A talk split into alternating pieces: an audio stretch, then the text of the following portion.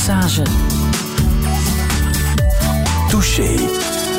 Touché met als gast Midas Dekkers. Een goedemorgen. Goedemorgen. Bioloog die erom bekend staat uh, boeken te schrijven waar een geurtje aan zit. En dat is in dit geval echt wel letterlijk te nemen. Hè? Het gaat over uh, poep. De ontlasting, want poep betekent bij ons iets anders. Hè? Ja, ik heb dat gemerkt uh, toen het plan opkwam om het boek te schrijven. Uh, toen had ik een titel bedacht voor het boek waarin het gevraagde woord uh, voorkwam. En toen kwam er een oekase van de Belgische uh, verkoopafdeling van de uitgeverij. -huh. Of ik het niet in mijn hoofd wilde halen om dat woord in ieder geval in de titel te gebruiken. Want dat ze in België daar heel anders over dachten. En toen ben ik dat gaan testen. Ik moest toch in Vlaanderen zijn. En toen heb ik het woord wel eens laten vallen. En dan begonnen de mensen inderdaad opmerkelijk hun ogen ter hemel te slaan, met hun voeten te draaien, zachtjes te giechelen. Uh, dus nu heeft het een andere titel. Ja, een zeer poëtische titel. De kleine verlossing of de lust van het ontlasten. Want het is een lust. Ja, dat is het alle, allerbelangrijkste is dat het gewoon iets heel plezierigs is uh, om te doen. Het is, je kunt het vergelijken met seks. Uh, vroeger was seks uh, alleen maar vies. En daardoor voelden de mensen zich toch altijd een beetje schuldig. Konden ze er nooit echt volop van genieten. En toen leerden we later leerden we dat seks niet alleen vies, maar ook lekker was. Lekker vies. En nu is de beurt aan de drol. uh, dat die... Midas Dekkers, het is zondagmiddag, iets over elf. Um, ik vermoed dat luisteraars op dit moment bijvoorbeeld aan het aperitieven zijn, misschien zelfs met lekkere hapjes erbij. Misschien gaan ze zo meteen kokkerellen, allemaal heel fijne dingen. En dan gaan wij praten over uh, wat, wat jij noemt. Ja, maar van dat ene komt wel dat andere hoor. Je kunt wel nu lekker zitten te eten en doen alsof er helemaal mm. niks vies aan de hand is. Mm. Maar uiteindelijk ontaart het toch. Uh, in het dieptepunt of hoogtepunt, al naar gelang hoe je dat naar. Lijkt mij een goede reden voor de luisteraars om toch niet af te haken op wat wij zo meteen allemaal gaan vertellen. Ik ben heel erg blij dat, uh, dat je er bent. En ik heb ook een uh, fantastisch nummer om deze touché mee te openen: Screaming Jay Hawkins en Constipation Blues. Midas Dekkers, welkom in Touché.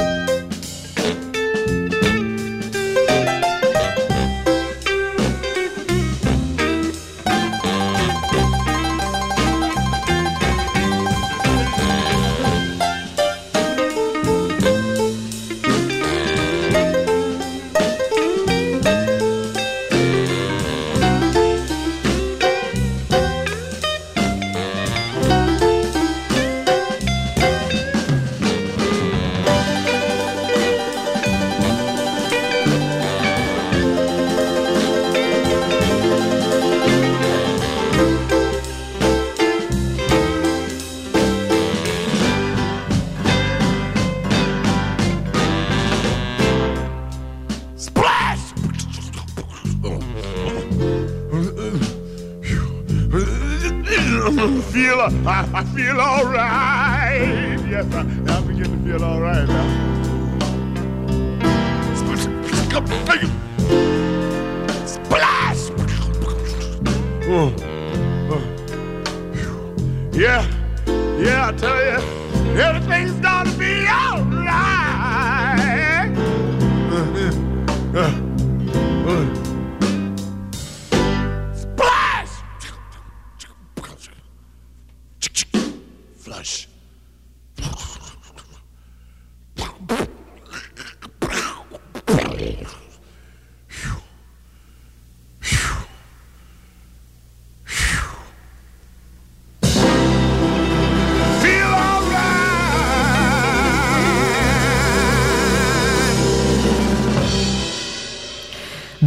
van de ontlasting. Screaming Jay Hawkins. Het is ook maar een mens, hè? Constipation Blues. Midas Dekkers. Ah, je, uh, je, hoort hoe prachtig het kan zijn. Ja, ja, ja, ja, ja, ja. We moeten ons daar gewoon anders op focussen, denk ik. Uh, ja. dat, is, dat is toch jouw bedoeling, ook met dit boek? Dat we anders gaan nadenken over onze ontlasting.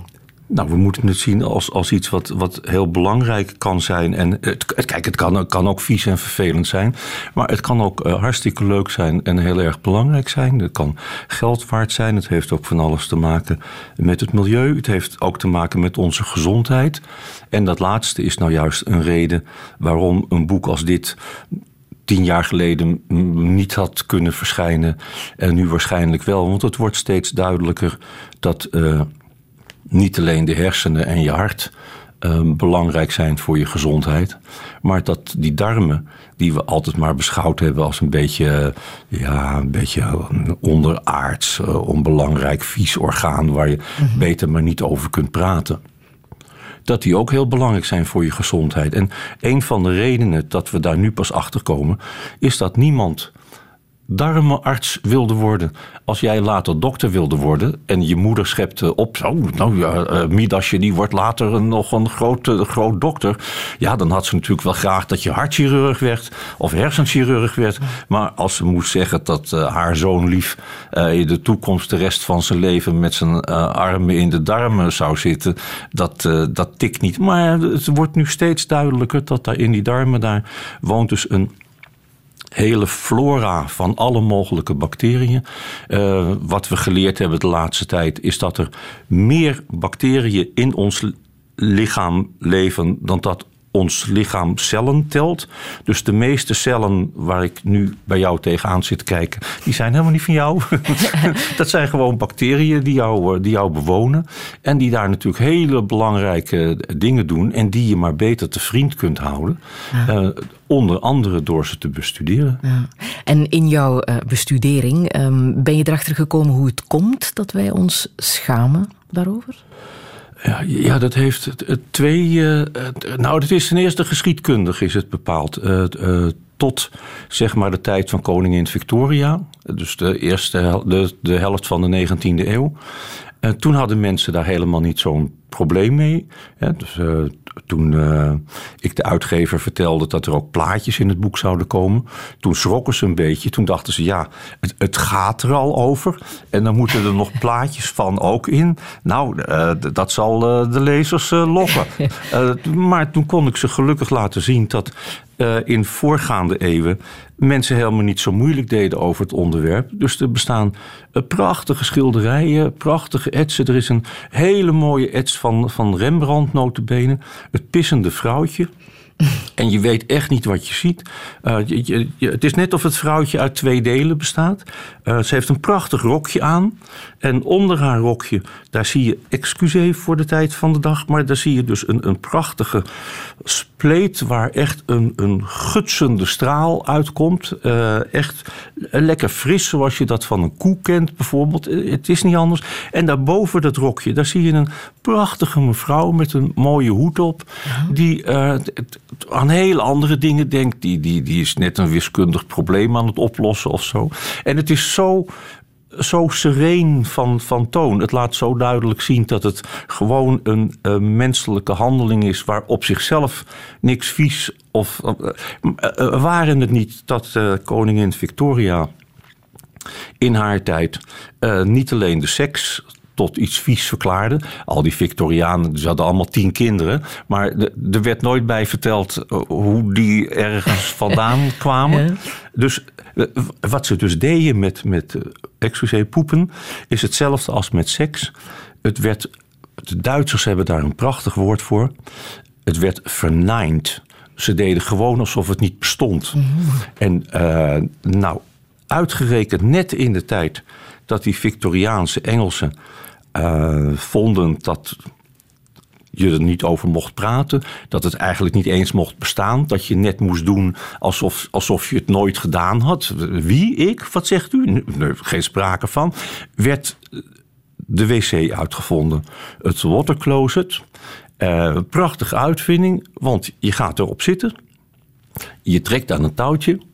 En als het een diepspoeler is, dan zelfs als je omkijkt, dan is er niets meer van te bekennen. Eh, gewoon van de aardbodem verdwenen, alsof het er nooit was. Nou, en dat kwam ons zo goed uit dat overal op de wereld worden nu van die toiletpotten uit de tijd van koningin Victoria geïnstalleerd.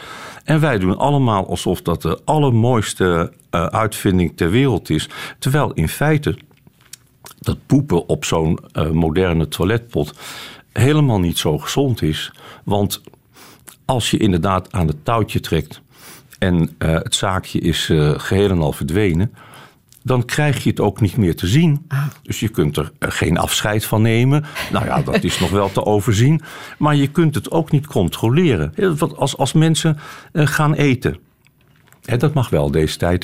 Dus als je, als je gaat eten, dan heb je dus een wit porseleinen bord mhm. als het goed is. En daarop liggen al je etenswaren uitgestald, zodat je goed kunt controleren of dat wel goed is wat je allemaal je lichaam binnenbrengt. Maar persoonlijk vind ik het minstens zo belangrijk dat je als je klaar bent aan de achterkant ook weer een porseleinen bord klaar hebt staan. Waarop het allemaal nog even uitgestald ligt, zodat je kan controleren of het goed gegaan is. En dat heeft twee voordelen. Ten eerste, als het echt goed gelukt is, nou, dan sta je daar toch echt. Ik tenminste wel, dan ben ik echt, echt trots. Uh, dan, dan zou ik hem wel aan iedereen willen laten zien. En wat ook bijzonder is, is dat we de, die toiletpot hebben gezet in een heel klein kamertje, hè, zodat je er echt alleen maar in je eentje naartoe kan. Ja, het hm? grootste genot van de hele wereld. Want, en zeker nu. Uh, want je, je, je, hoort, je hoort ontzettend veel uh, over eenzaamheid. Hè? Dat eenzaamheid dat, dat mhm. heel erg is. En dat is het ook. Dat is echt schrijnend, hè? mensen die eenzaam zijn. Maar minstens zo schrijnend vind ik persoonlijk de veelzaamheid, niet de eenzaamheid, maar de veelzaamheid. Dat er uh, altijd en overal in dit leven, in, het, in deze tijd. Er zijn altijd wel mensen om je heen die zich met je bemoeien of die iets van je vinden. Of waarvoor je de schijn op moet houden. Of met wie je moet praten. Of tegen wie je aardig moet zijn. Terwijl je ze het liefst een doodklap wilt verkopen. Of van wie je een doodklap krijgt terwijl je ze eigenlijk aardig had willen vinden. En, en dan krijg je de ontzettende behoefte om je, al is het maar af en toe even terug te trekken op één veilig plekje waar je, waar je voor iedereen veilig bent. En dat is nergens meer te vinden. Zelfs telefooncellen zijn van het straatbeeld verdwenen. Maar één plekje is er nog. De wc, en dat, dat weet ik nog van toen ik een kindje was. We waren met vrij veel mensen thuis. Uh, ja, als je eenmaal op de wc zat, ja, dan kwam je het eerste uur niet meer af. Want dat was, dat was de plek waar je even helemaal tot jezelf. Eh, Terwijl dat ook niet altijd zo is geweest. Hè? Uh, in vroegere tijden gingen we gewoon samen naar het toilet. Ja, je ziet het bij de Romeinen. Die hadden dus, je kent, iedereen kent die plaatjes wel van, die, van die toiletten van de Romeinen. Die aan de ene kant uh, zien ze er heel ongezellig uit. Want ze zijn allemaal, allemaal van heel dik, koud, nat steen. Dus dan denk ik, nou, dat trekt vochtig op. Dat kan toch niet lekker zitten. Maar je zat wel mannetje aan mannetje naast elkaar. En je kon tijdens het poepen kon je met elkaar praten. Of, of misschien wel een boterham eten. Of, of nou ja, wat, wat Romeinen dat ja. ook aten in ja, ja. Dieren hebben daar totaal geen moeite mee. Hè? Die doen het gewoon vrij in de natuur. Terwijl iedereen toekijkt. Ja, op, op, op eentje na. Dus ja? Dat, ja wij, uh, beesten zijn niet zo vies als dat wij denken. Om te beginnen is het zo dat uh, bijna alle beesten die doen het alleen maar in een bepaald hoekje van hun territorium. Dus ze laten het niet overal zomaar rondslingeren. Nee, want ze willen natuurlijk ook een beetje een proper territorium hebben. En, dus dan, mhm.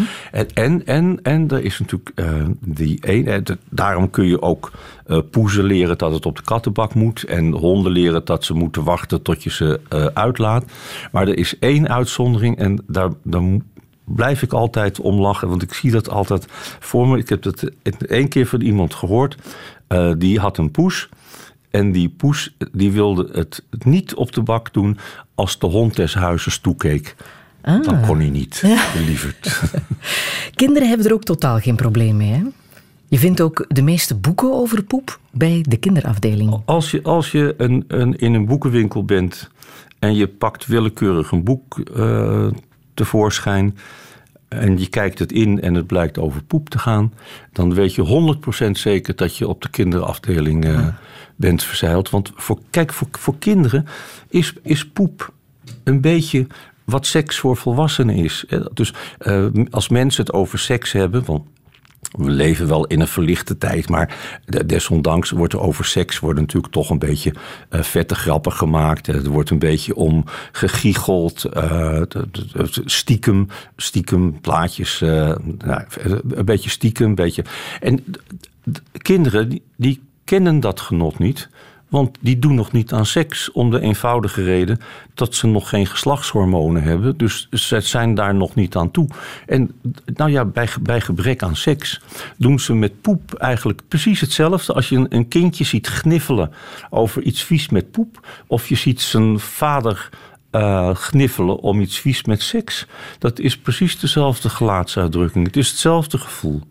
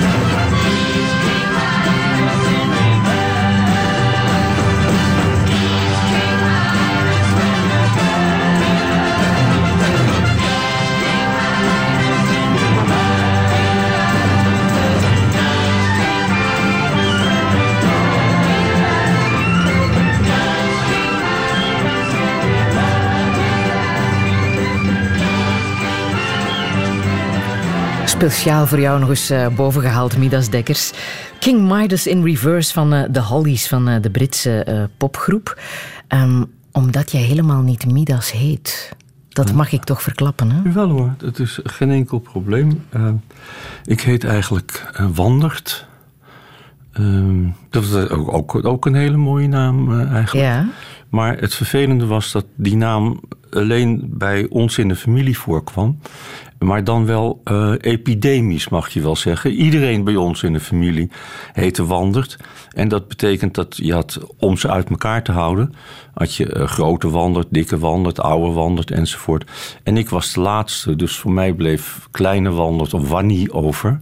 En dat heeft me nooit goed bevallen. En ik had altijd al het idee van dat je niet je hele leven rond moet blijven lopen met de naam die toevallig toen je geboren werd uh, in de mode was of in de familie heerste.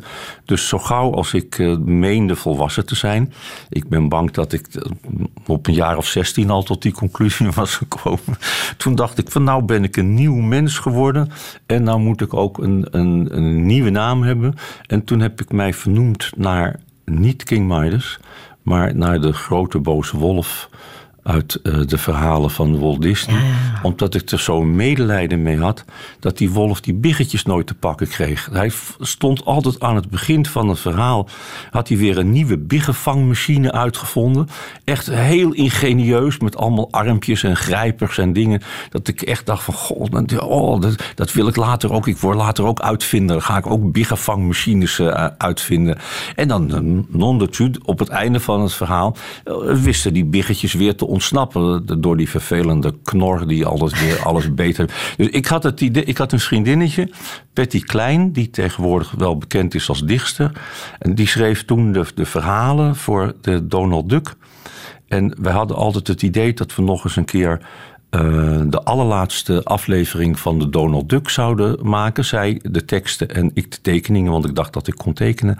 En uh, dan zou uh, eindelijk uh, Guus Geluk zou in een drol vallen met zijn snavel. En de boze jongens die zouden het geldpakhuis van Dagobert Duck helemaal leeghalen. Maar vooral op het einde van het verhaal, dat zou een verhaal zijn over Midas Wolf. En dat zou ermee eindigen met een feestmaaltijd. Waarbij je drie van die grote dampende potten op de tafel zag staan. Met drie van die krulstaartjes eruit. Lekker pu, eindelijk. Zeg, en hoe vaak kom je nog op de plek waar je bent opgegroeid? Vaak. Uh, ik, ik ben uh, geboren in Haarlem en opgegroeid in Amsterdam. En uh, ik woon in geen van beide meer. Maar in allebei heb ik mijn hartje achtergelaten. En in Amsterdam ben ik opgegroeid in het café van mijn ouders. En dat was een waar genot. Er zijn natuurlijk ook kindertjes die opgroeien in een café en die daar kleerscheuren aan overhouden. Maar ik was het soort jongetje die dat daar erg van genoot. Want als je een café had, dan had je een heleboel ooms en een heleboel tantes. Want al die ooms en tantes ja, die, die, die kende je natuurlijk als jongetje. En je leerde ook al heel gauw mensen kennen. Want je wist al, oh, dat is een vervelende oom. Dan moet je niet te dicht langs een tafeltje lopen. En dat is een aardige oom. En er waren ook ooms die eerst uh, heel vervelend waren... maar naarmate ze meer dronken steeds aardiger werden. En je had ze ook die heel aardig begonnen en steeds akeliger werden... om over dronken tantes nog maar uh, te zwijgen. En zo deed je automatisch een hoop mensenkennis op... die je toch niet opdoet als je gewoon met één papa en één mama en één broertje of zusje en één hond en één kanariepiet ergens in een buitenwijk in een flat op uh, vijf hoog zit. Ja, Dus mijn, mijn advies is, mensen vroegen dat we, toen ik, ik had ooit eens een boek over kinderen geschreven en dan vroegen ze meneer Dekkers, u heeft er zoveel verstand van. Vertelt u eens, uh, hoe moet je kinderen opvoeden? En het antwoord luidde dan ook stevast van als je kinderen wilt... Het beste is natuurlijk geen kinderen nemen. Maar als je het toch niet laten kan... Eerst een café kopen en daarna pas een kind. Dan gaat het allemaal vanzelf. Um, wat ook bepalend is geweest in jouw leven is uh, het jongens radioboek van uh, deze schrijver, Leonard de Vries.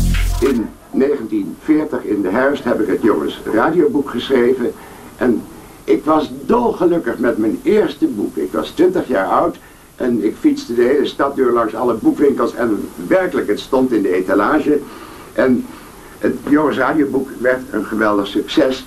En dat hing ook daarmee samen dat de Nederlanders van de Duitsers niet naar de Engelse zender mochten luisteren. De Nederlanders moesten zelfs hun radiotoestellen indeveren. En de meeste mensen deden dat, uit angst voor de strenge straffen daarop. Maar in mijn jongens radioboek konden ze precies lezen hoe ze van oude onderdelen toch ontvangertjes konden bouwen om naar de Engelse zender te luisteren. Touché. Leonard de Vries, Midas Dekkers, jij zit met grote oren te luisteren. Werkelijk zo'n genoeg hiermee. Dat gaat echt een, een steek door mijn hart heen. Want eh, die, die man was in mijn jongenstijd eh, mijn held. En uh, voor een heleboel jongens, uh, zo vlak na de oorlog, ja, wat, wat moest je doen als jongen? Radiootjes bouwen, inderdaad. En die man heeft me ook de lol van wetenschap geleerd. Want op school is wetenschap vaak saai en vervelend. En dan, dan moet je. En dan hadden we eerst op school met tegenzin natuurkunde gehad. En dan kwam je thuis en dan ging je met rode oortjes in dat jongens radioboek van Leonard de Vries. Hij heeft, hij heeft later ook nog wel een paar aardige boeken geschreven. Maar het is een beetje triest met hem afgelopen. Uh, ik heb hem één keertje als oude man gezien. En toen was hij als een kind zo dankbaar dat ik hem aansprak. Want hij was geheel en al in de vergetelheid uh, geraakt. Terwijl hij zoveel jongensharten harder had doen kloppen. En nou, precies datzelfde eh, gevoel wat hij had toen ik hem ja, ja. op zijn oude dag nog eens een keertje tegenkwam en blij was van, oh, er is nog iemand die me kent. Zo ben ik nu echt als een kindje zo blij dat dat jullie dit ergens tevoorschijn hebben getoverd. Ja, uh, is het toch knap radio? Ja, ja, en ik heb nog een fragment klaar liggen wat je ongetwijfeld ook heel knap uh, zal vinden, want het is zelfs van voordat jij geboren was. Een uh, radiofragment uit 1937. De verslaggever bij de ramp van de Hindenburg, de, de Zeppelin, de grootste uh, Zeppelin. Die, ja, die vlucht is fataal afgelopen. Zeppelin die is. zeggen, ja in brand is gevlogen. Maar het is ook iets wat jou heel erg uh, intrigeert, hè, die Zeppelin. Nou ja, het is natuurlijk het, het, het, symbool van de grootheidswaanzin van de mens. Dat we, mhm. Het is niet, niet voor niets een, een, een uitvinding uit het Duitsland van de Eerste Wereldoorlog zo ongeveer. Dus het grootheidswaanzin van, van uh, hoe groter iets is, uh, hoe, hoe mooier het is. En, en dat, dat het dan ook nog in de lucht zweeft. De, de, de hoogmoed van de mens is hier werkelijk uh, verstoffelijkt. En dat die hoogmoed van de mens echt op het allerhoogste punt, toen ze de allergrootste Zeppelin hadden, die uh, door het, allergrootste publiek zou de landing worden aanschouwd, het, het, wereldwonder zelf. En precies op het hoogste punt van de hoogmoed, wam! Gaat hij ja, in de vlammen op. Hè? Je moet luisteren naar het, uh, het verslag. Het is, het, ja, het, het, is aangrijpend. It's starting to rain again. The rain had uh, slacked up a little bit. It burst into flames. Get it started. Get it started. It's fire and it's crashing. It's crashing terrible. Oh my! Get out of the way, please. It's burning, bursting into flames, and, and it's falling on the morning fast and all the folks between it. This is terrible. This is one of the worst catastrophes in the world, ladies and gentlemen. The smoke and the flames now, and the flame is crashing to the ground. I, I can't talk, ladies and gentlemen honest, it's just laying there a mass of smoking wreckage. And everybody can't hardly breathe and talk and screaming. I'm sorry. Honestly, I, I can hardly breathe. I, am going to step inside while I cannot see it. I, I can I, am going to have to stop for a minute because I've lost the voice. This is the worst thing I've ever witnessed. It's the safest way, I promise you. It's the only way to fly. My daddy said as he pointed up at the great, great thing in the sky. The great, great thing in the sky. Pal, he said, he called me pal. We'll ride in that big balloon Someday we'll fly to London town. We'll soar like the silvery moon. We'll go to Spain and Portugal. We'll fly to Paris, France. Did you know that ship has a ballroom hall where it's big enough to dine and dance with colored lights and saxophones. Oh, yes, Dad, tell me, yes, yes, yes. And did you know every night for dinner, pal, the people have to wear full dress?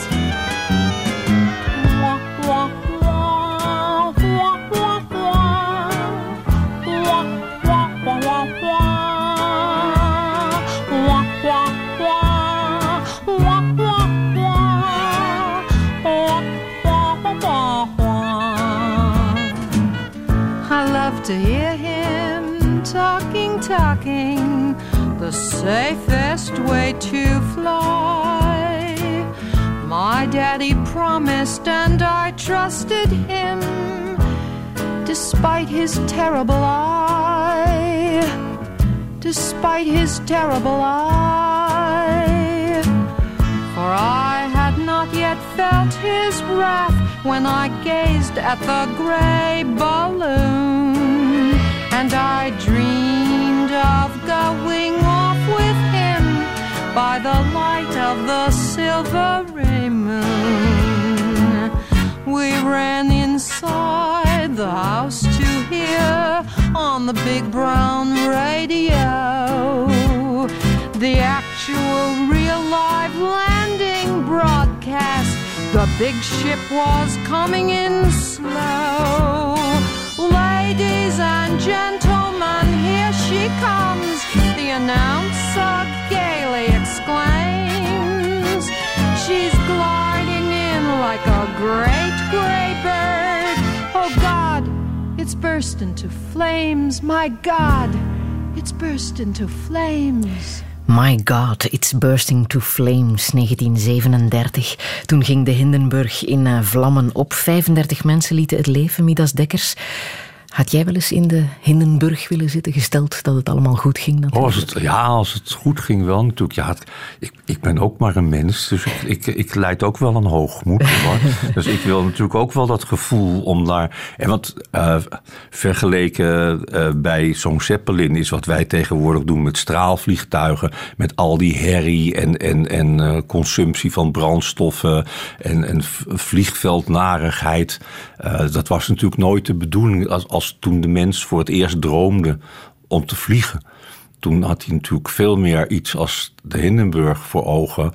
Uh, heel stil en uh, daarboven, zwevend. ijl in die lucht, zwevend.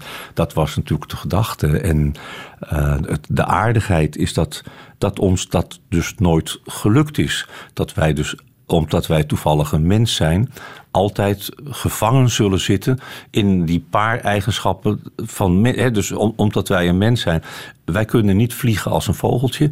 Uh, wij kunnen niet zwemmen als een vis. Wij kunnen eigenlijk ontzettend veel dingen niet alleen maar omdat wij een mens zijn. En dat kunnen we niet hebben natuurlijk. En daarom zijn we altijd met al die sportwedstrijden en uitvindingen... zijn we altijd maar bezig om te ontsnappen aan de kooi... waarin de schepper onze soort gestopt heeft. Maar hoe harder je aan de tralies rammelt... hoe duidelijker het wordt dat die tralies daar zitten. En voor een bioloog is dat wel enige troost... dat de biologische wetten ons toch altijd meer zullen bepalen dan al die plannen. En wat, wat ons er natuurlijk niet van moet weerhouden om hoogmoedige plannen te maken hoor. Want dat is natuurlijk juist weer de aardigheid van het leven. Je, je zit gevangen, maar je moet blijven rammelen aan je ketenen.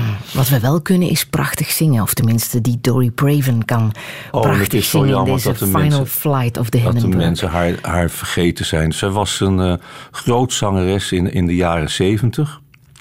Heel muzikaal. Haar vader was de, de beroemde klassieke eh, componist. En zij zelf heeft heel veel uh, bij Amerikaanse films uh, gewerkt aan arrangementen en zo. Dus ze was technisch heel knap. Hoe je, de, kun je aan dit liedje kon je dat ook al horen. Hoe ontzettend knap de verschillende tonen in elkaar overgaan. En nou ja, dan ook nog eens gezegend met een, met een gouden keeltje. Ja, ik, ik, ik, na al die jaren nog. ik, als zij dat die eindregel, oh god, it burst into flame. Mm komt het nog steeds een klein uh, iets in mijn keel naar boven. Mm. Midas Dekkers, een, een ander historisch vervoermiddel waar je ook nooit hebt opgezeten, was een schip, de Beagle. Het is waarschijnlijk de belangrijkste reis die ooit werd gemaakt. De reis van de Beagle. Een reis die uiteindelijk ons wereldbeeld totaal op zijn kop zette. Aan boord van het schip was een Charles Darwin, een jonge natuuronderzoeker die tijdens deze expeditie zoveel nieuwe indrukken opdeed dat het beeld dat de mens had van zichzelf en van de wereld er totaal door veranderde. Wij gaan die wereldreis opnieuw maken. Samen met wetenschappers, kunstenaars en met nazaten van Charles Darwin. In het kielzog van de Beagle. Dezelfde stormen en gevaren trotserend herontdekken we de wereld die de jonge Charles Darwin zo intens bekeken en beschreven heeft. Een avontuur in 35 delen. Acht maanden lang 27.010 zeemijlen. We leren Darwin kennen, de wereld zoals hij haar zag en de wereld zoals wij dankzij hem op dit moment naar haar kunnen kijken. Een avontuur, Midas Dekkers, waar je uiteindelijk niet aan hebt deelgenomen. Terwijl het wel de bedoeling was. Hè?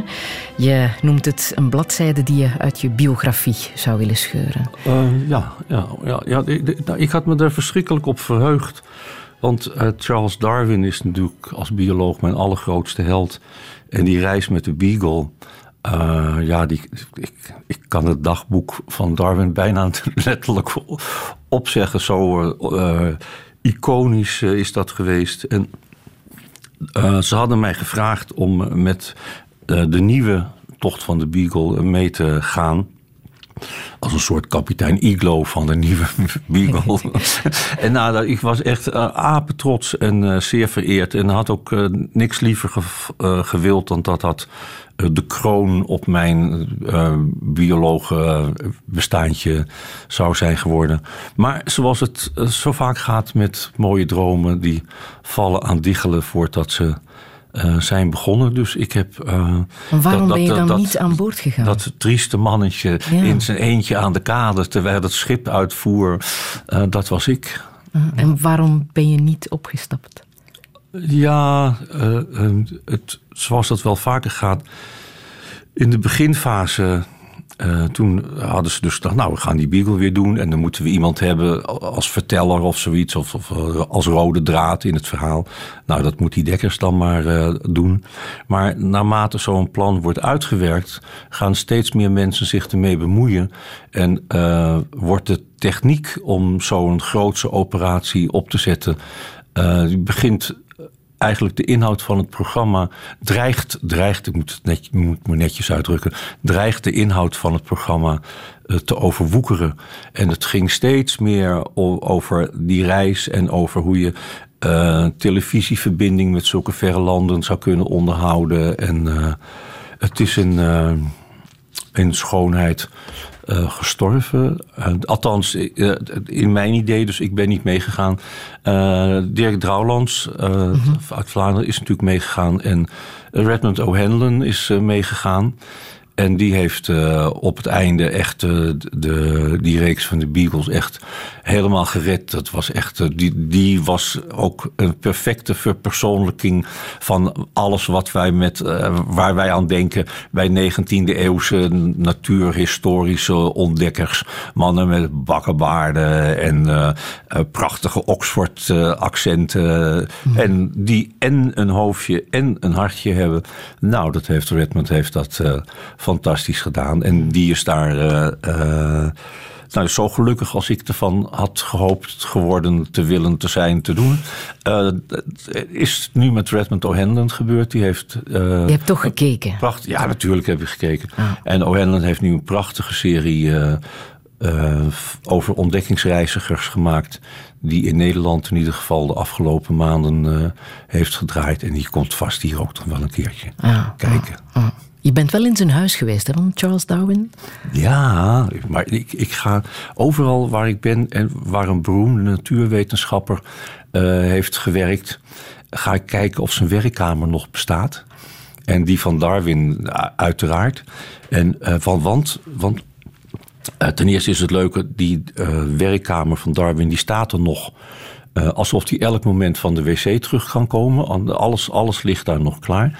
Maar hij heeft daar ook uh, achter zijn huis daar heeft hij een, een, een, niet eens zo hele grote tuin. En in die tuin daar heeft hij een parcours uitgezet. Dat heet de Sandwalk. En daar liep Darwin liep daar elke dag minstens één uur liep hij daar te ijsberen.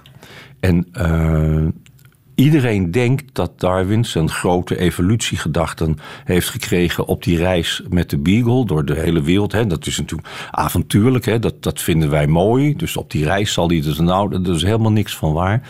En Darwin is teruggekomen van die reis. Uh, hartstikke blij dat hij weer thuis was. Heeft nooit meer een poot buiten Engeland gezet. Zelfs nooit verder meer dan 100 kilometer van zijn uh, huis geweest. En in dat huis, of daarachter, daar draaide hij dus steeds die rondjes. En tijdens dat ijsberen heeft hij die prachtige ideeën gekregen die onze hele wereldbeeld eh, heeft eh, veranderd. En je begrijpt dat toen ik, ik ben nu drie keer geweest in het huis van Darwin. En dan draai ik natuurlijk altijd even een uurtje dat rondje op de Sandwalk. In de, toch, ja, je weet maar nooit, je weet maar nooit of het helpt. Of misschien dat er nog een ideetje is blijven hangen wat nog niet door Darwin is opgepikt. Eh. Stel nu dat je hem even zou kunnen spreken. Oh. Wat zou je hem dan vragen? Nou, ik denk, denk, dat ik eerst een uur lang zwijgend en kwijlend onder zijn baard zou, uh, uh, zou, zou hangen. Um, wat zou ik hem vragen? Ik, ik denk dat, dat de, de, belangrijkste vraag die hem zelf bezighield... en die de hele mensheid na hem bezighoudt... en waarmee hij de hele mensheid ook heeft opgezadeld... is de eeuwige vraag uh, of er al dan niet een schepper aan het werk is geweest. Of we uh, moeten denken, toch moeten geloven dat een God, in welke vorm dan ook, het zaakje ooit geschapen heeft volgens goddelijk plan. Of dat het allemaal door stom toeval zo in elkaar is gerinkeld, kinkeld, als beschreven staat in The Origin of Species. Want het leuke van Darwin, en daarom is het ook zo'n grote man, is dat als er iemand twijfelde aan de evolutieleer volgens Charles Darwin, dat het Charles Darwin zelf was. als, je, als je zijn boeken leest, en dat kan ik iedereen van harte aanraden, want hij kan prachtig schrijven, uh, dan merk je dat ongeveer driekwart van zijn boeken bestaat uit het weerleggen van zijn eigen theorieën. Dus hij probeert als advocaat van de duivel, probeert hij voortdurend zijn eigen theorieën ondersteboven te halen. A, om die theorie daardoor nog steviger te maken. Maar B, omdat hij het... Hij wist het zelf ook allemaal niet. Hij, hij heeft zijn leven lang in die baard zitten krabben van... Eh, zou, het nou, zou het nou waar zijn wat ik denk? Of zou het... Uh, nou ja, dat is een gevoel wat elke schrijver van non-fictie heeft. Uh, je doet ontzettend je best om het zo goed mogelijk op te schrijven. Maar dan denk je even, ja... zou het allemaal wel kloppen? Heb, heb, ik, heb ik wel gelijk? Ik denk van niet. Wie je wel hebt kunnen spreken is Desmond Morris. Ja, een tiental jaar geleden. Uh, ja, nou ja, dat is. Nou, de auteur van uh, The Naked Ape. Bestseller dat is de, 67 de, de ondertussen. vertegenwoordiger van Charles Darwin op aarde. Want kijk, dus wat de meeste mensen vergeten. is dat Darwin heeft The Origin of Species geschreven, 1859. Uh, de evolutietheorie, nou, dat, de, de, de, heel Engeland stond op zijn grondvesten te schudden, want dat ging heel erg in tegen de bestaande godsdienstige ideeën. Maar daarna is dat een beetje weggeëpt. Uh, als je iemand in 1920 zou vragen wie is Charles Darwin, dan hadden ze je een beetje glazig aangekeken.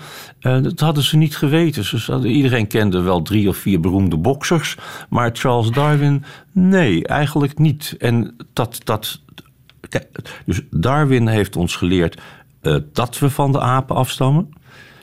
Maar uh, het heeft tot de Naked Ape in de jaren 60 van uh, Desmond Morris geduurd. voordat we dat ook echt voelden. Hij, hij had een, met dat verhaal over de naakte aap.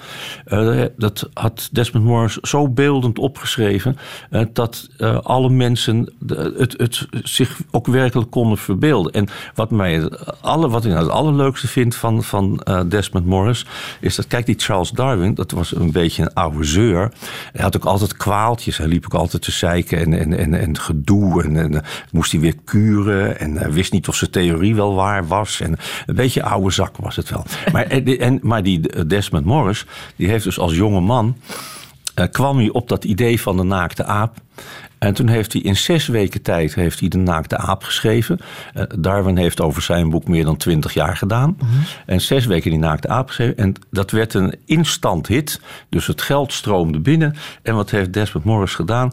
Die is van dat geld is hij naar een eiland in de Middellandse Zee uh, afgereisd. Heeft geen klapwerk meer gedaan. Heeft twee Rolls Royces gekocht. Uh, alle geld opgemaakt. vrouwen en vriendinnen. ontzettend veel pret. Onder andere ook met David Attenborough. Die kwam er ook wel bij. Tot het geld op was. Toen is hij weer naar Engeland teruggegaan. En is hij doorgegaan met de mooiste en de leukste boeken en televisieprogramma's maken. nou, dat vind ik een levend mens. Midas Dekkers, ik wil voor jou uh, speciaal even de tuin van het echtpaar De Bond laten horen.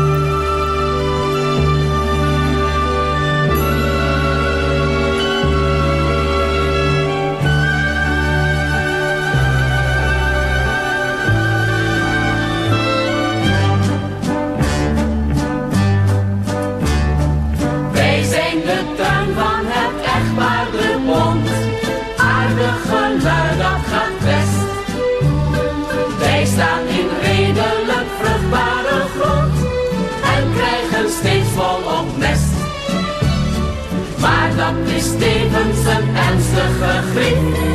Onze ideeën zijn alternatief. En ook al zijn het de bondjes heel het is altijd kunst, best kunst, best kunst, best steeds weer dat smerige chemische spul. Wij zijn helaas niet ingesteld op harde actie.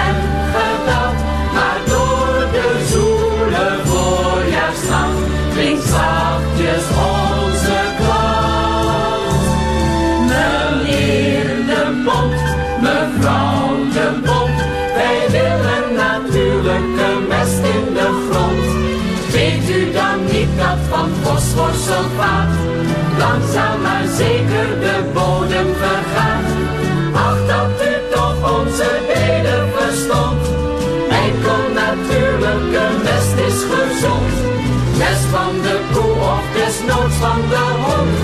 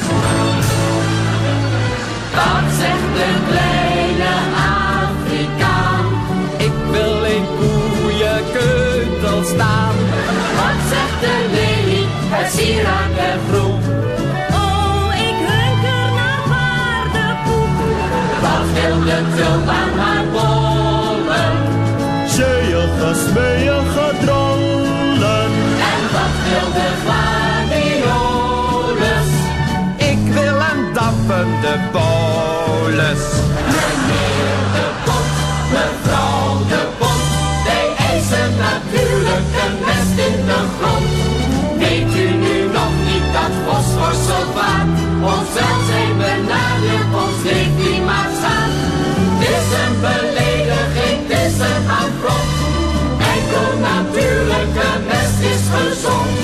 Mest van de koe of desnoods uit de grond.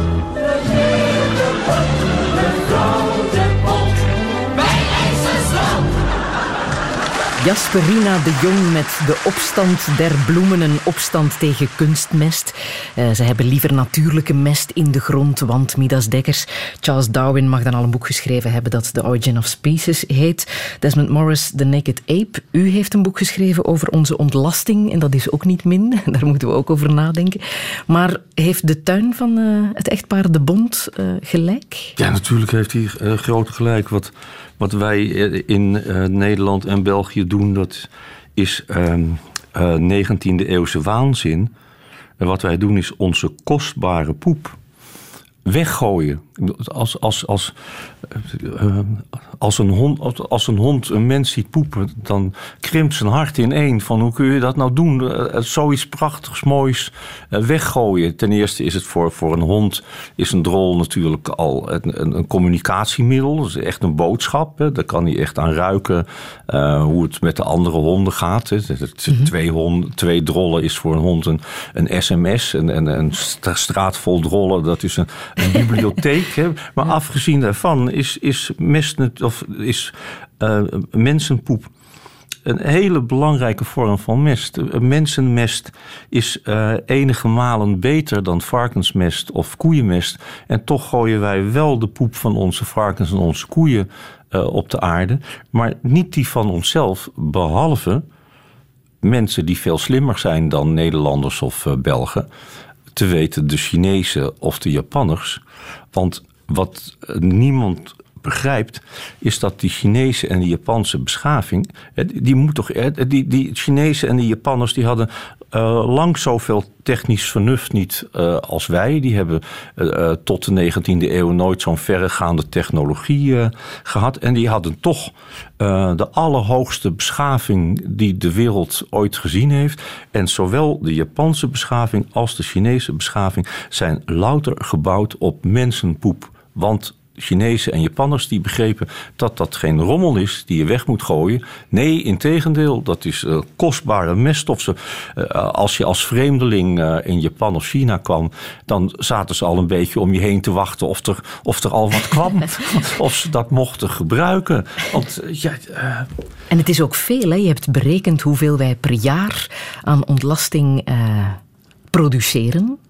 Ja, ik, ik, ben niet zo, ik ben niet zo goed in ik, getallen. Ik heb het even genoteerd. Uh, je, je, hebt het zelfs in, in kilometers uh, uitgedrukt. Vijf kilometer in een mensenleven leek mij dan niet zoveel, maar dan... Nou, opgave in voor de luisteraar. 65 hoe, hoe, hoe vaak kun je op en neer naar de maan met de poep van alle Vlamingen op zondagochtend? Uh, mag je ja. zelf uitrekenen.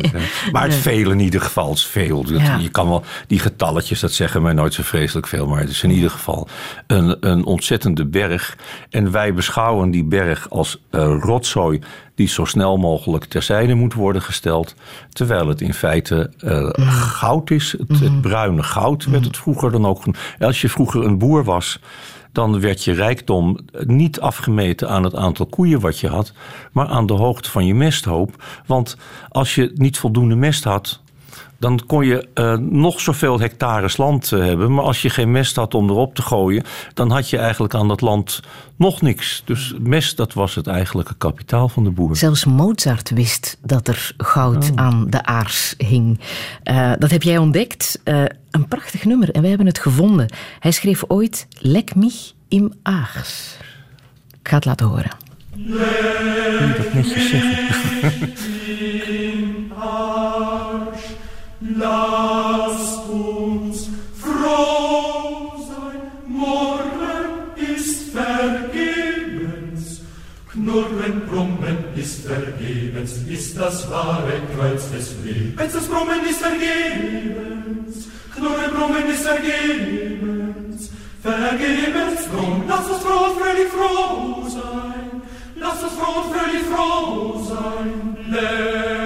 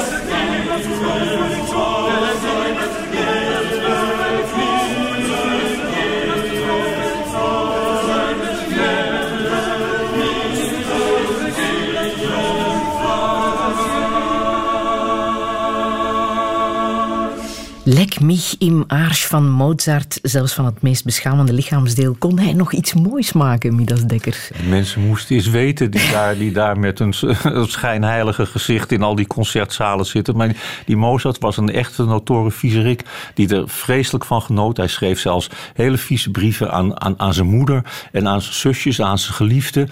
Echt door en door viezerik, maar prachtige muziek. Radio 1. Friedel Lesage. Touché. Met als gast bioloog Midas Dekkers. Hij schreef zo net het boek De Kleine Verlossing over de lust van ontlasten.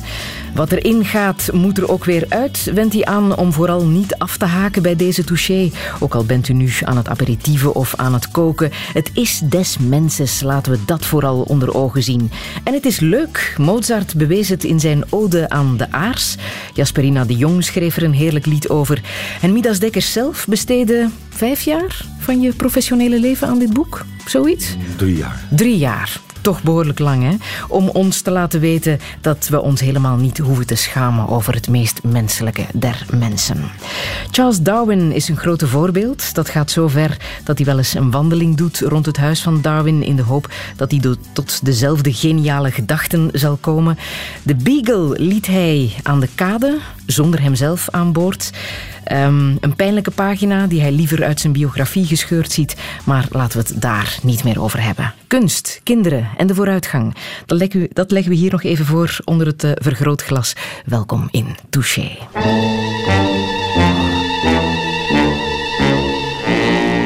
If you go down in the woods today, you're sure of a big surprise. If you go down in the woods today, you'd better go in disguise. For every bear that ever there was will gather there for certain, because today's the day the teddy bears have their picnic. teddy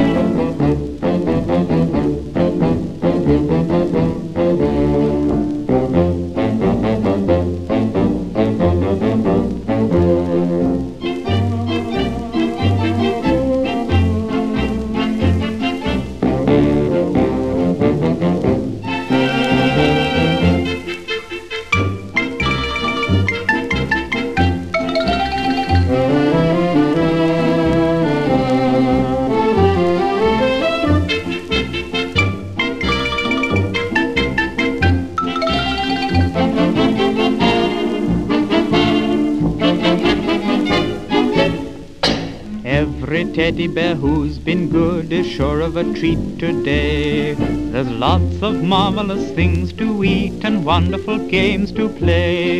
Beneath the trees where nobody sees, they'll hide and seek as long as they please. That's the way the teddy bears have their picnic. Picnic time for teddy bears. The little teddy bears are having a lovely time today. Watch them, catch them unawares, and see them picnic on their holiday. See them gaily gad about, they love to play and shout, they never have any cares.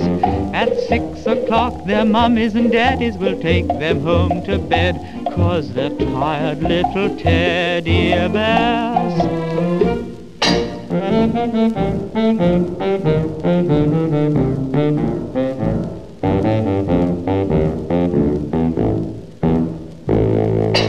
you go down in the woods today, you'd better not go alone. It's lovely down in the woods today, but safer to stay at home. For every bear that ever there was will gather there for certain, because today's the day the teddy bears have their picnic.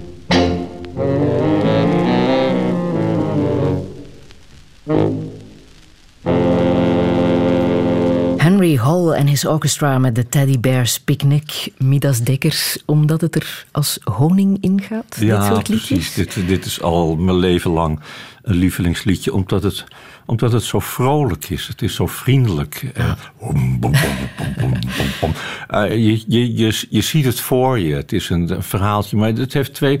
De, aan de ene kant vind ik het zo leuk omdat het zo, zo vriendelijk is. Dat, dat soort, dit soort muziek wordt niet meer gemaakt. De muziek is tegenwoordig meestal wat harder. Wat, eh, nou ja. Wat je er ook van vindt. Maar de aardigheid is ook dat. Er wordt in het liedje dus gezegd dat er de teddyberen. die hebben hun picknick vandaag in het bos. Dus moet je oppassen als je daarin gaat. Want uh, uh, nou, anders gebeurt er wat. En en dat, dat heeft een manier van kijken naar de natuur. Die ook een beetje verloren is gegaan. tegenwoordig willen de mensen.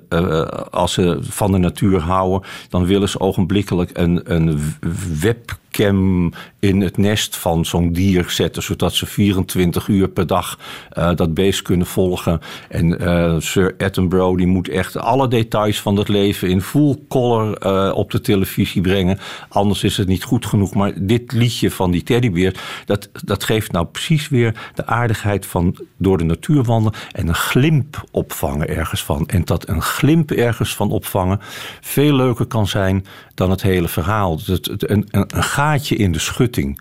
Dat is veel leuker en veel spannender dan wanneer je die schutting weghaalt en open en bloot het hele uitzicht hebt. Nou, dat soort geheimzin van, van kom eens met ons mee naar het bos. En als je goed kijkt, een beetje geluk hebt, maar oppassen hoor, want anders, nou die, die sfeer, dat heeft het. En dat, ja, dat, dat, uh, dat doet mijn oude bioloog hard. Midas Dekkers, is het een aanwinst voor ons dat er nu twee panda's naar ons land onderweg zijn? Nou, we zijn in ieder geval twee panda's rijk. dat staat een paal boven water. Maar uh, uh, wat je eraan hebt, dat is natuurlijk vraag twee. Want de, de panda, dat is eigenlijk een fabeldier. De, de, de meeste mensen uh, in Nederland en België... die hebben nog nooit een levende panda gezien. En ze denken dat als ze die levende panda wel te zien krijgen... dat dat een aanwinst zal zijn... Maar die levende panda, dat is, of, of de panda, dat is net zoiets als de dodo. Dat is een fabeldier. Dus, bedoel, het, iedereen kent de dodo. Er zijn een heleboel vogels die de normale mensen geen weet van hebben. Maar de dodo, daar weten we werkelijk alles van. Uh, daar, daar houden we van. En ik denk wel stel je voor dat, dat de dodo nu opeens weer levend ergens gevonden zou worden doodzonde. Maak je alleen de mythe ja. maar mee uh, een stuk. En, en die panda, dat is in werkelijkheid... Hè, dus in, wij denken dat het een wolbaal is... met een hele lieve glimlach uh, op zijn snuit. Maar in wezen is de panda dus een vals krenk van hier tot ginder. Ja, tandjes waarmee je bamboe door kan bijten. Daar kun je ook oppassers mee uh, doorbijten. En er zijn heel wat panda-oppassers zijn er al in het ziekenhuis terechtgekomen. En die hele grote prachtige ogen. Dat zijn in feite alleen maar hele grote vlekken. En in die grote zwarte vlekken, daar zitten twee hele kleine gniepige rotoogjes. Uh, dus uh, ja. Uh, Oei. Het lijkt mij niet zo positief wat u vertelt.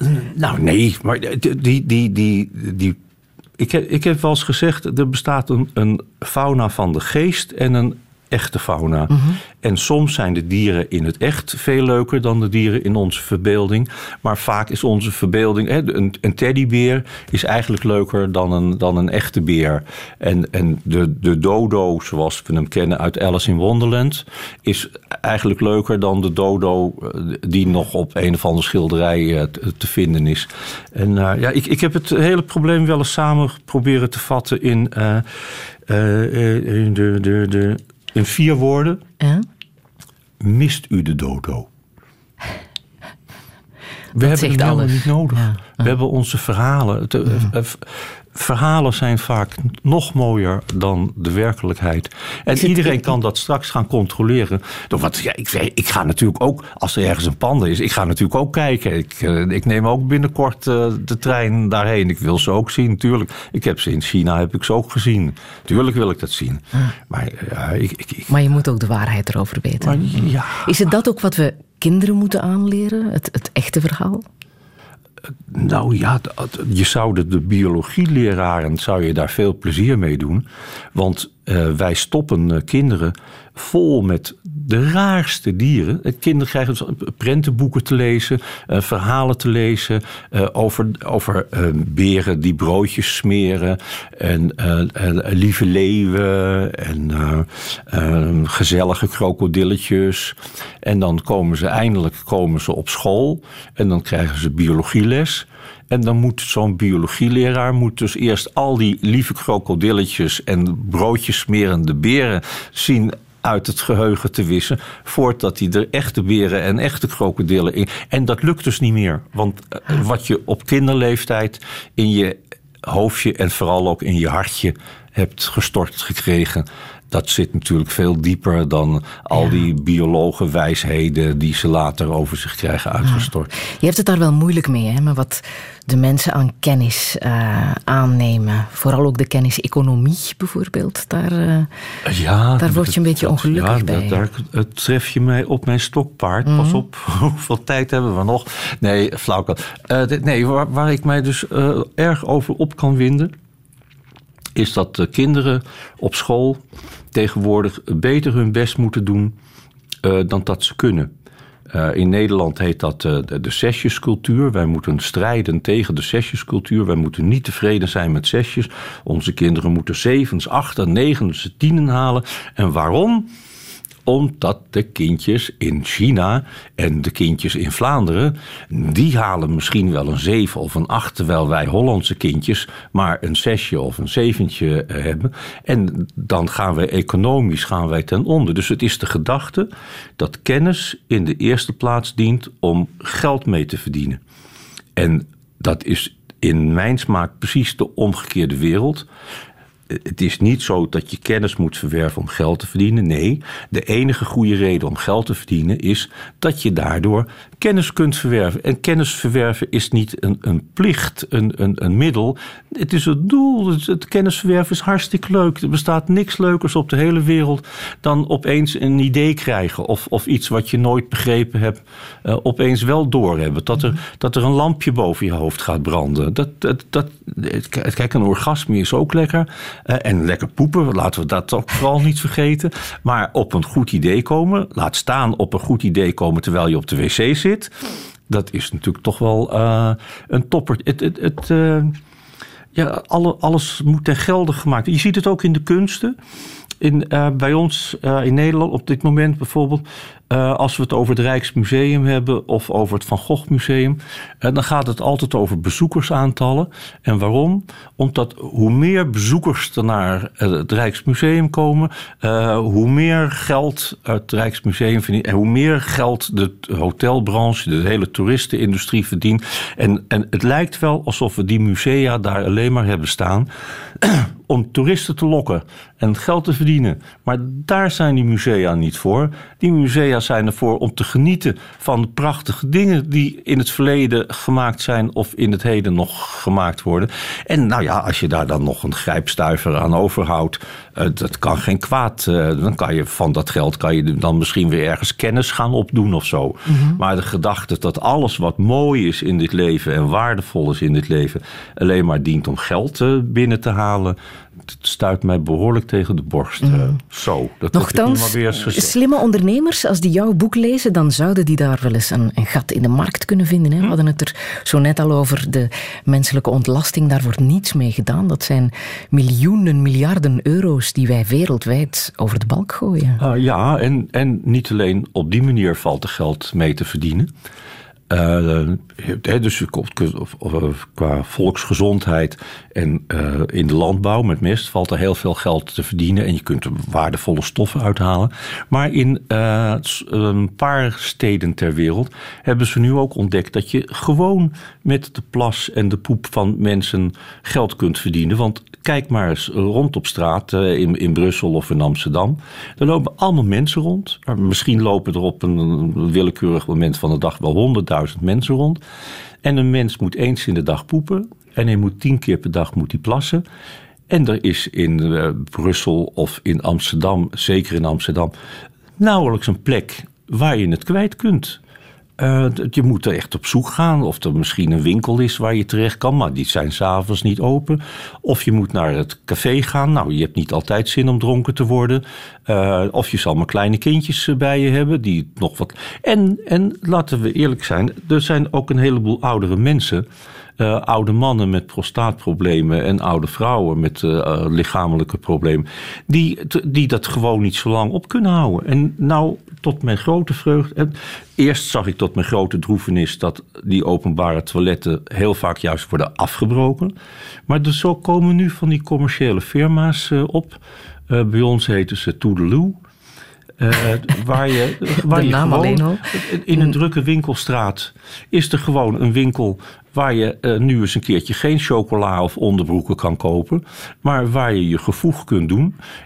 Wat er gewoon heel proper uitziet, uh, schoon, niks aan de hand. En ook niet iemand die je meewarig aankijkt van oh heeft. Maar gewoon je twee kwartjes betalen en je kunt je gang gaan. En nou, je ziet de mensen daar met een blij gezicht naar binnen gaan. Van ha, ik kan het. En met een nog blijer gezicht zie je ze er weer uitkomen. Voor twee kwartjes. En daar schijnt nog geld aan te verdienen zijn ook. Maar dan heb je het over de handeling, over de ontlasting zelf. Valt er met de menselijke ontlasting iets te doen, geld te verdienen? Oh ja, er zitten natuurlijk allerlei waardevolle grondstoffen zitten erin. Ja? Niet alleen om over de akkers te gooien. Maar we hebben op dit moment al een probleem met de fosfaatvoorziening. Uh, als wij fosfaat nodig hebben, dan graven wij dat op uit fosfaatmijnen. En die beginnen langzamerhand een beetje op te raken. Er zijn nog maar een paar landen met behoorlijke voorraden. En het wordt dus steeds duurder. Uh, terwijl onze ontlasting, om ook eens een net woord te gebruiken, uh, er helemaal vol mee zit. En je zou dus zo uit, uit je ontlasting, dat zijn dus allemaal chemische stofjes. Dat is een, een chemisch laboratoriumpje eigenlijk. Of, dat kun je allemaal. Maar als je het eruit wil halen, word je geconfronteerd met een probleem dat wij onze ontlasting in de wc eerst met een ontzettende hoeveelheid kostbaar water verdunnen. En dan ergens kilometers verderop moet in een zuiveringsinstallatie moet dat water weer schoongemaakt worden. Maar die ontlasting is tegen die tijd zo ver verdund dat je daar in een fosfaatfabriek niks meer mee aan kunt. Dus eigenlijk, eigenlijk zouden wij uh, onze ontlasting gelijk nadat die ontlast is op moeten vangen. Niet met sloten water uh, wegvoeren. Dan hoef je dus en geen kostbaar water te verspillen. En je hebt kostbare grondstoffen in handen waarmee je van alles nog wat kunt doen. Ik hoop dat de goede verstaander hier iets mee aanvangt. Touché.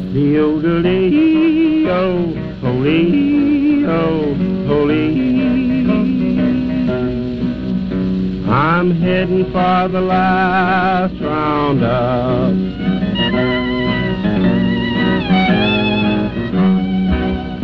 Gonna saddle old paint for the last time and ride.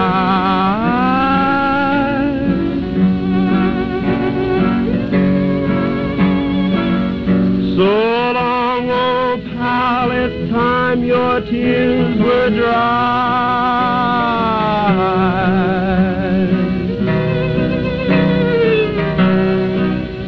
I'm heading for the last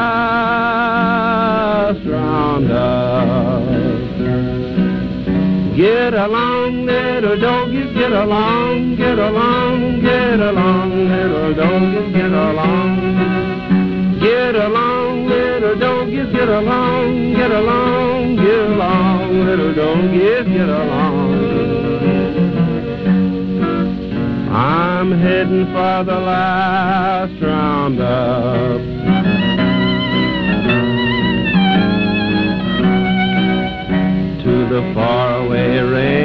Of the boss in the sky.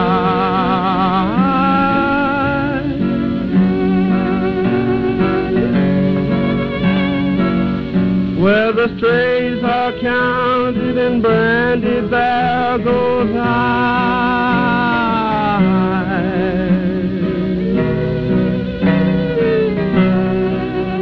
I'm heading for the flounder.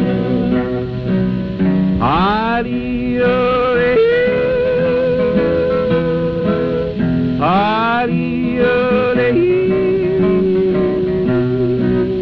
I'm heading for the last rounder. Get along, little doggies, get along, get along, get along, little doggies, get along. Get along, little doggies, get along, get along, get along, little doggies, get along. I'm heading for the last round roundup.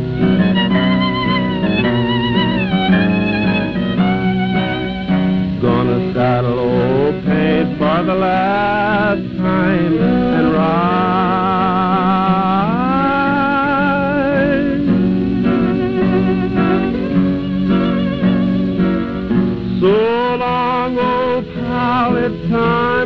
Tears were dry.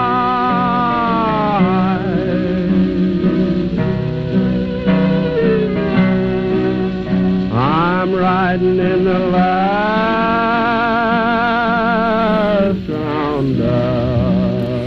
De zingende cowboy Gene Autry met de la- Last Roundup, Midas Dekkers. En ik ben zo blij dat ik je met deze muziek zo blij maak.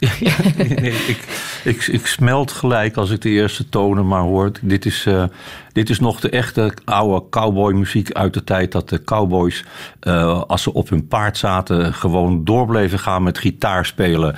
En eh, de, ja, de, de, de, melancholie ook die eruit spreekt. Hè. De- het beste plaatje van elk Lucky Luke album is het laatste plaatje waarop hij in de verte verdwijnt. I'm a poor lonesome cowboy. En dat is natuurlijk precies, eh, Ja. precies het sfeertje. Maar het zegt ook wel iets over het feit dat je veel liever in de verleden tijd had geleefd, denk ik. Nee? Ja, ja, en nou zelfs nog wel iets eerder dan dit hoor. Mhm. Maar ehm, ja, ik, ik eh, ben natuurlijk ehm, in mijn puberteit hield ik natuurlijk van de muziek die in mijn puberteit in de mode was. Eh, Cliff Richard, eh, Apache, The Shadows, dat soort dingen.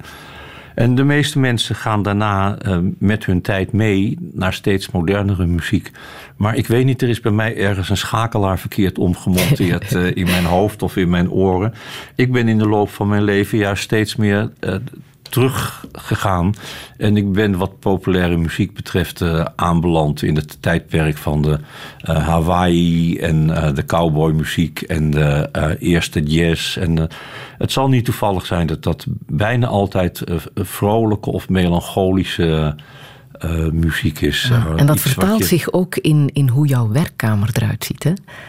Uh, ja, ja ik, ik heb, aanvankelijk heb ik natuurlijk eh, ook heel veel in redactielokalen eh, bij de radio en de televisie gewerkt. Uh, nou ja, met, met eh, eh, alle, niks over dit programma, dit is het prachtigste. wat- Maar mij verbaast het niet dat veel radio- en televisieprogramma's zo slecht zijn. Want die lokalen waarin die programma's gemaakt moeten worden, met die TL-buizen en al die door elkaar heen telefonerende mensen.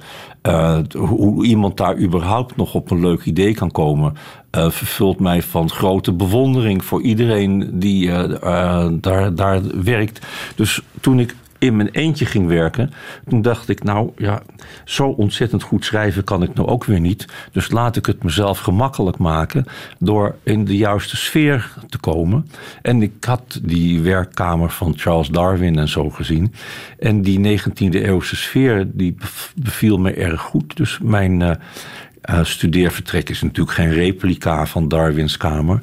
Maar heeft wel de, de, eh, de sfeer van een eind 19e eeuwse eh, bibliotheek. En waarom? Zonder, ja? Omdat eh, eh, de, de moderne wetenschap. Kijk, even beginnen met vaststellen. Dat in wetenschap vind ik het allermooiste wat er bestaat.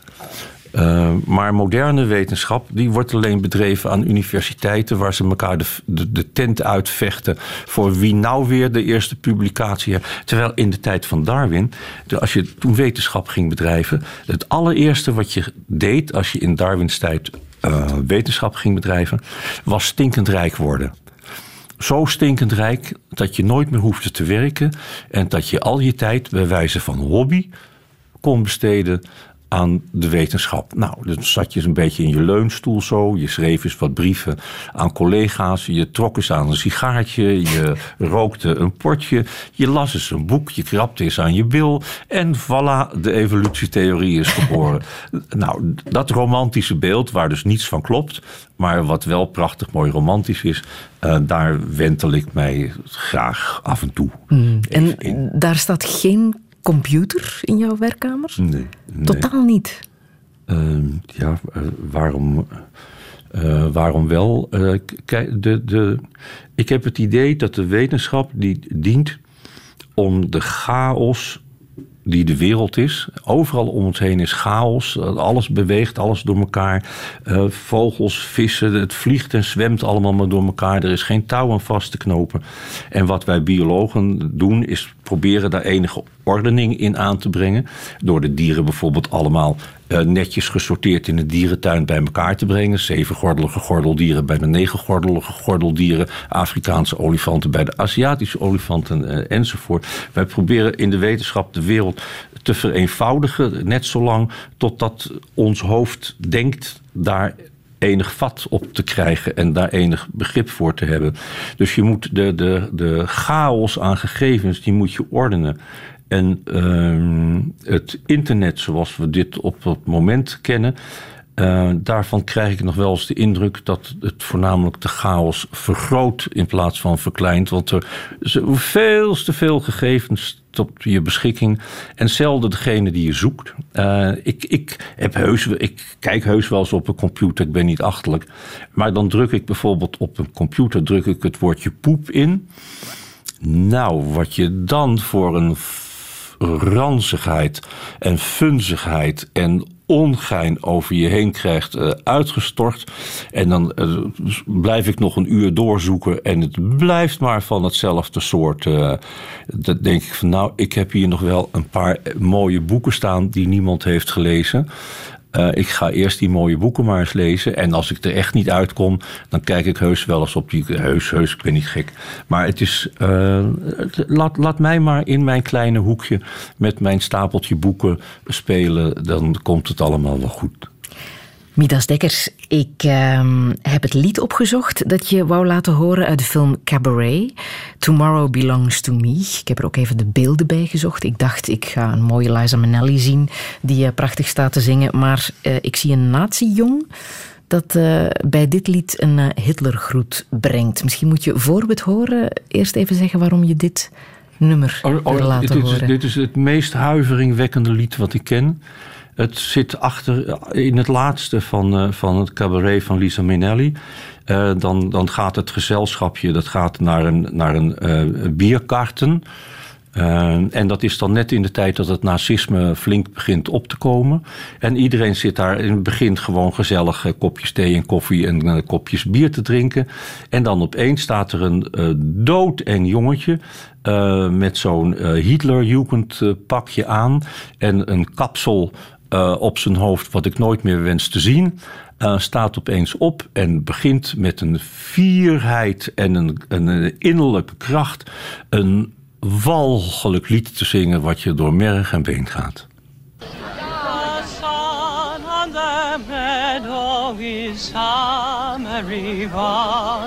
The stag in the forest runs free. But gather together to greet the storm. Tomorrow belongs to me. The branch of the linden is leafy and green. The Rhine gives its gold to the sea.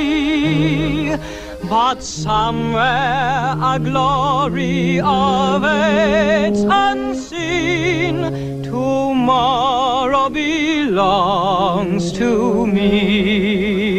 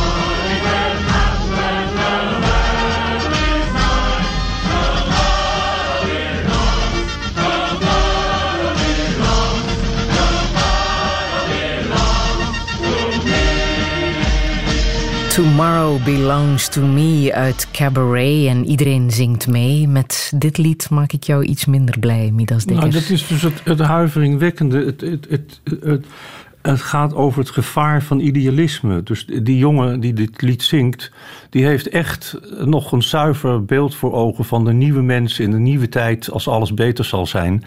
En uh, als een sneeuwbal inderdaad uh, onweerstaanbaar. Want het is ook een, een, Je krijgt zelf de neiging bijna om mee te gaan zingen. Het is echt meeslepende mm -hmm. muziek.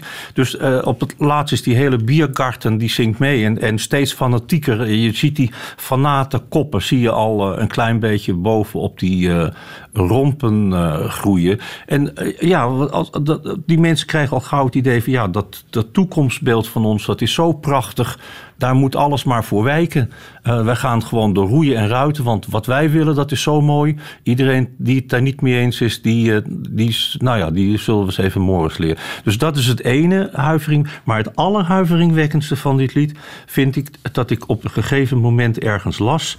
En ik weet niet eens 100% zeker of het waar is, maar ik las het wel.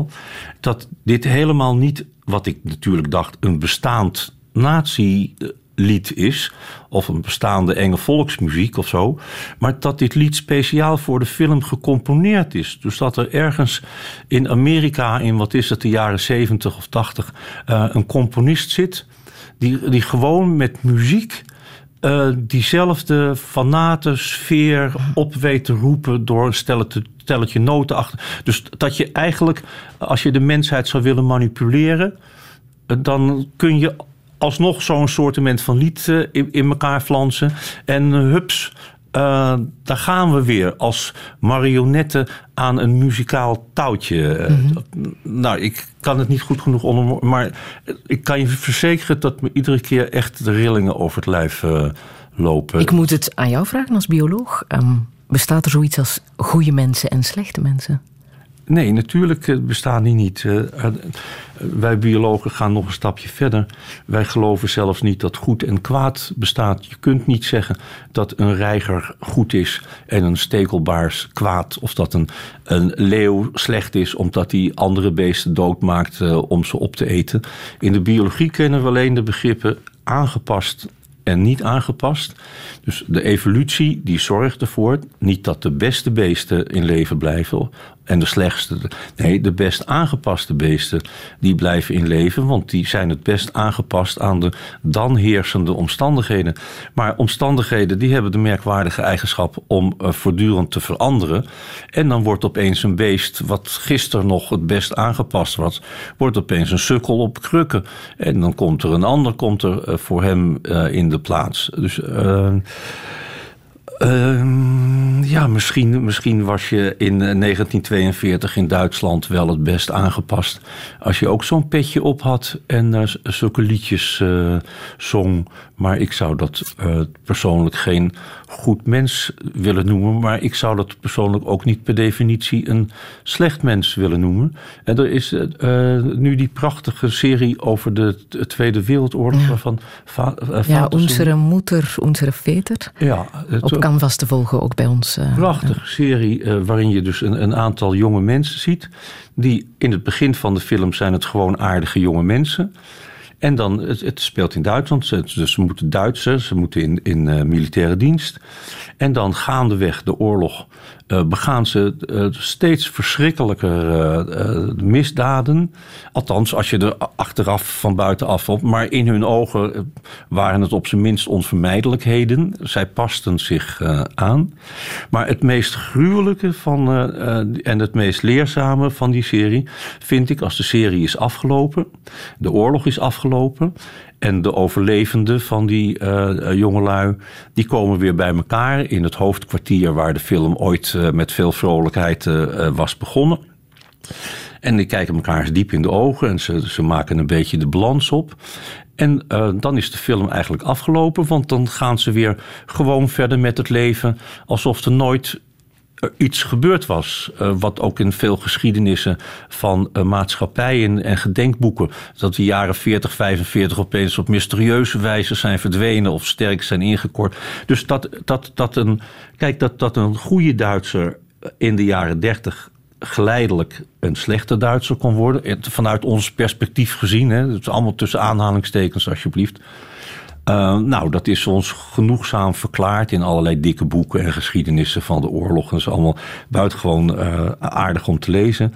Maar dat een in onze ogen slechte Duitser, dus op het hoogtepunt van de dus die, die in, in maart 1945 nog de laatste Jood om zeep eh, geholpen heeft, of het laatste stukje Berlijn nog even op heeft laten blazen, dat die mensen dus in april 1945 gewoon het knopje omzetten en gewoon weer brave burgers werden, alsof er nooit iets was gebeurd. Uh, dat, dat verbijstert niet alleen mij. Uh, dat verbijsterde ook de Duitsers zelf in die tijd. Uh, want die hebben echt, to, toen ik een jongetje was, uh, toen keken wij Duitsers nog steeds lelijk aan. Wij wezen ze nog steeds de verkeerde kant op als we daar de kans toe kregen. Maar veel van die Duitsers zelf, die hadden echt keine blasse aandoen dat ze op dat ze de afgelopen vijf jaar in het verkeerde kamp terecht waren gekomen. Die dachten van ah, de oorlog is nou toch over. We zijn nou toch weer gewone mensen. Uh, er is nou toch niks meer aan de hand. Ja, die, die, die vijf jaar, ja, ja, ja, nou ja. Kan iedereen wel eens iets, iets over. Nou ja, fijn. Ik, uh, ik overdrijf natuurlijk, chargeer. Maar uh, ik krijg er altijd een raar gevoel bij. Mm. Hoe zie jij de toekomst? Ben jij positief of negatief? Ik ben buitengewoon negatief. Uh, maar dat komt uh, omdat andere mensen positief zijn. Hoe positiever die andere mensen zijn, hoe negatiever ik word. En dan heb ik het vooral uh, met het oog op de economie. Want ik, zie, ik zie dreigende koppen in de kranten staan waar andere mensen beginnen te, te jubelen. Dan staat er weer in de krant: Het gaat goed met de economie. En dan denk ik, wat bedoelen ze nou? En dan lees ik dat stuk en dan, dan bedoelen ze dat de economie weer groeit. En dat vinden ze zo vanzelfsprekend, dat, dat, dat groei van de economie, dat dat goed is. Uh, en dat krimp van de economie, dat dat slecht is, dat dat niet eens meer wordt uitgelegd. Uh, in onze regering in Nederland, maar dat zal in België niet veel anders zijn. In heel de regering is er niemand te vinden die het jammer vindt dat de economie nu weer een klein beetje aan het groeien is. Terwijl uh, iedereen met gezond verstand toch moet begrijpen dat een economie die alleen maar kan blijven bestaan als die voortdurend groeit, dat dat een gezwel is. Iets wat al maar groeit is een gezwel wat op een gegeven moment uiteen moet uh, spatten. Uh, als het, het, sorry voor het woord op de, op de vroege zondag, maar als een kankergezwel steeds groeit, dan zeg je toch ook niet: het gaat goed met het kankergezwel. Nee, natuurlijk niet. Er zijn allerlei. Dit, bomen kunnen niet de hemel ingroeien. Elk klein kindje van drie jaar kan je uitleggen waarom bomen niet de hemel in kunnen groeien. Eh, eh, waarom je niet meer zakgeld krijgt, want er is niet meer zakgeld. Eh, waarom je autopet niet harder autopet, ja, want de wieltjes zijn te klein. Kan je dus ook uitleggen dat er altijd grenzen aan de groei zijn. Een ballon kun je opblazen, wordt die groter. Kun je nog meer blazen, wordt die nog groter. Kun je nog meer blazen. Zeg je, zie je wel, dat gaat hartstikke goed. De groei, dat is fantastisch. Weet je wat, ik blaas nog even pets, uh, blon uit elkaar natuurlijk. Maar nou, dus datzelfde kleine kindje dat dat begrijpt. Die gaat later economie studeren. En die wordt minister-president. En die roept van alle daken dat we kost wat kost economisch moeten blijven groeien. En nou ja, ik, ik kan er in mijn eentje niks, niks tegen, tegen doen. Maar een positief uh, toekomstbeeld krijg ik daar niet echt van.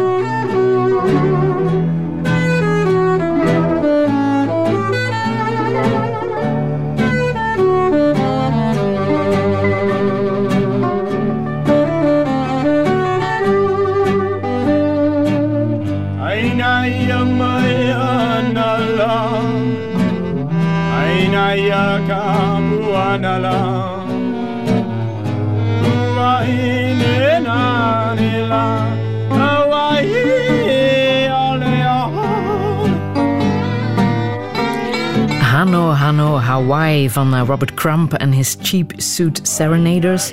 Robert Crump is eh, de striptekenaar, Amerikaans striptekenaar die al een hele tijd in uh, Sauve in Zuid-Frankrijk eh, woont. Maar dus ook eh, met dit retro-bandje eh, muziek maakt.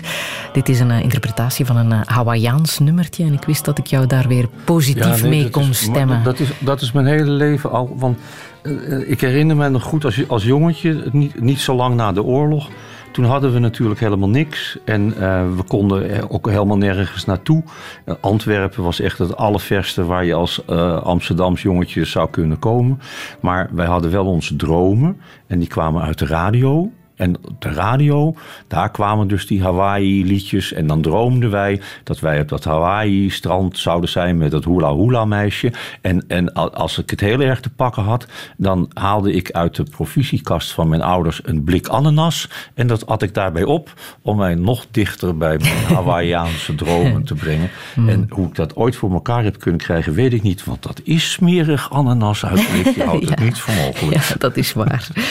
Ehm, Midas Dekkers, gisteren is een beetje een eh, trieste dag geweest hè, voor biologen. Leo Vrooman is gestorven, dichter en ook Nou, bioloog. alleen voor biologen hoor. Nee, dat vind ik echt. echt, echt eh, het had niet op een triester moment kunnen komen. Eh, nog geen twee dagen geleden vroeg een, een, Belgisch blad mij toevallig van wie ik eh, zou nomineren voor de Nobelprijs literatuur. En ik hoefde daar geen seconde over na te denken. Leo Vrooman. Eh, en ja, dat hij dan nu dood is, dat is natuurlijk gewoon toeval. En hij was ook al heel erg oud natuurlijk. Maar het leuke van hem was nou juist dat hij eh, echt tot, tot, tot zijn laatste snik is doorgegaan met het maken van die eh, ogenschijnlijk buitengewoon vrolijke gedichtjes. Waar toch altijd een hele bittere kern in eh, verpakt zat. En dat deed hij met zo'n gratie en zo'n genoegen, zo'n vriendelijke man. En, en, en dat eeuwige geslijm tegen zijn vrouw Tineke, dat het zij de, de mooiste en de liefste. En, en dat, je, dat je echt op een gegeven moment denkt, ja, hey, eh, Leo, eh, nou, nou is het wel genoeg geweest. Maar en hij, hij, hij deed dat natuurlijk hij, hij verhief zijn vrouw tot, tot kunstwerk, tot, eh, tot dichtwerk. En in, en in die zin is dit natuurlijk allemaal toegestaan. En eh, men, ab- absoluut, lees, lees ter nagedachtenis van Leo Vrooman nog één of twee van die prachtige gedichtjes eh, van hem. eh. Welke regels moeten we zeker in gedachten houden? Want je allerberoemdste hebt is, hier... is een gedicht Vrede. Ik zal alleen de eerste vier en de laatste vier regels lezen. Die, die, die eerste vier vanwege het, het venijn wat er, eh, wat er eh, toch in zit. En eh, de laatste vier omdat dat de regels zijn die de meeste mensen van Leo Vrooman hun leven lang in hun hoofd mee zullen dragen als ze ze één keer gehoord hebben. De eerste vier. Komt een duif van 100 pond een olijfboom in zijn klauwen, bij mijn oren met zijn mond vol van koren zoete vrouwen. En de laatste vier. Kom vanavond met verhalen hoe de oorlog is verdwenen en herhaal ze honderd malen. alle malen zal ik wenen. Nou, prachtig. Ik wil hem zelf ook nog even laten horen. Touché. De levende wereld is, is biologisch. Maar die is zo ontzettend mooi. En dat is eigenlijk min of meer mijn religie, als je wil. Mhm. Die is zo ontzettend mooi. Dat ik persoonlijk in ieder geval onvermijdelijk alles lief heb wat leeft. Maar de, de dood fascineert mij natuurlijk. Ik, ben, ik ben, kom nogal dichtbij. En eh, ik wil toch wel weten wat het is. We weten niet veel. We weten geen flikker van de dood af. Ik ben wel eens eh, bijna dood geweest en dat was gewoon een verlies van tijd. Ik bedoel, was iets weg. We weten niet veel, hè? Hoewel we denken dat we veel weten. Nee, en, en wat ik ook aardig, dat gedicht wat ik net voorlas, ik, het, het, nog een paar woordjes eruit. Hij heeft het daarover. In dat gedicht heeft hij het over dode, toch aardige mensen. En dat hij zelf nu bij uitstek het dode, maar aardige mens in optima forma is geworden. Mm. Waren alle dode mensen maar zo aardig. En alle aardige mensen maar niet dood. Mm. Mm. Welke boodschap wil jij hier nog meegeven? Oh, uh, uh, mijn, mijn eeuwige roep in dit leven is uh, aan de mensen: gaat u maar vast met de tijd mee. Ik kom straks wel. Zal ik nog even muziek laten horen van Amanda Meyer? Daar is een reden voor, hè? Amanda Meyer, is, uh, uh, mijn, mijn vriendin, die stamt uit de Röntgen-familie. En Röntgen, dat, niet, niet, niet iemand van de Röntgenstralen, maar een ver familielid daar weer van. Die was de enige Nederlandse componist die er wat van kon. Althans, dat denken we. Maar dat komt alleen omdat wij de vrouwelijke componisten niet meerekenen. En hier komt zij een vrouwelijke componist die bewijst dat vrouwen wel degelijk componeren kunnen.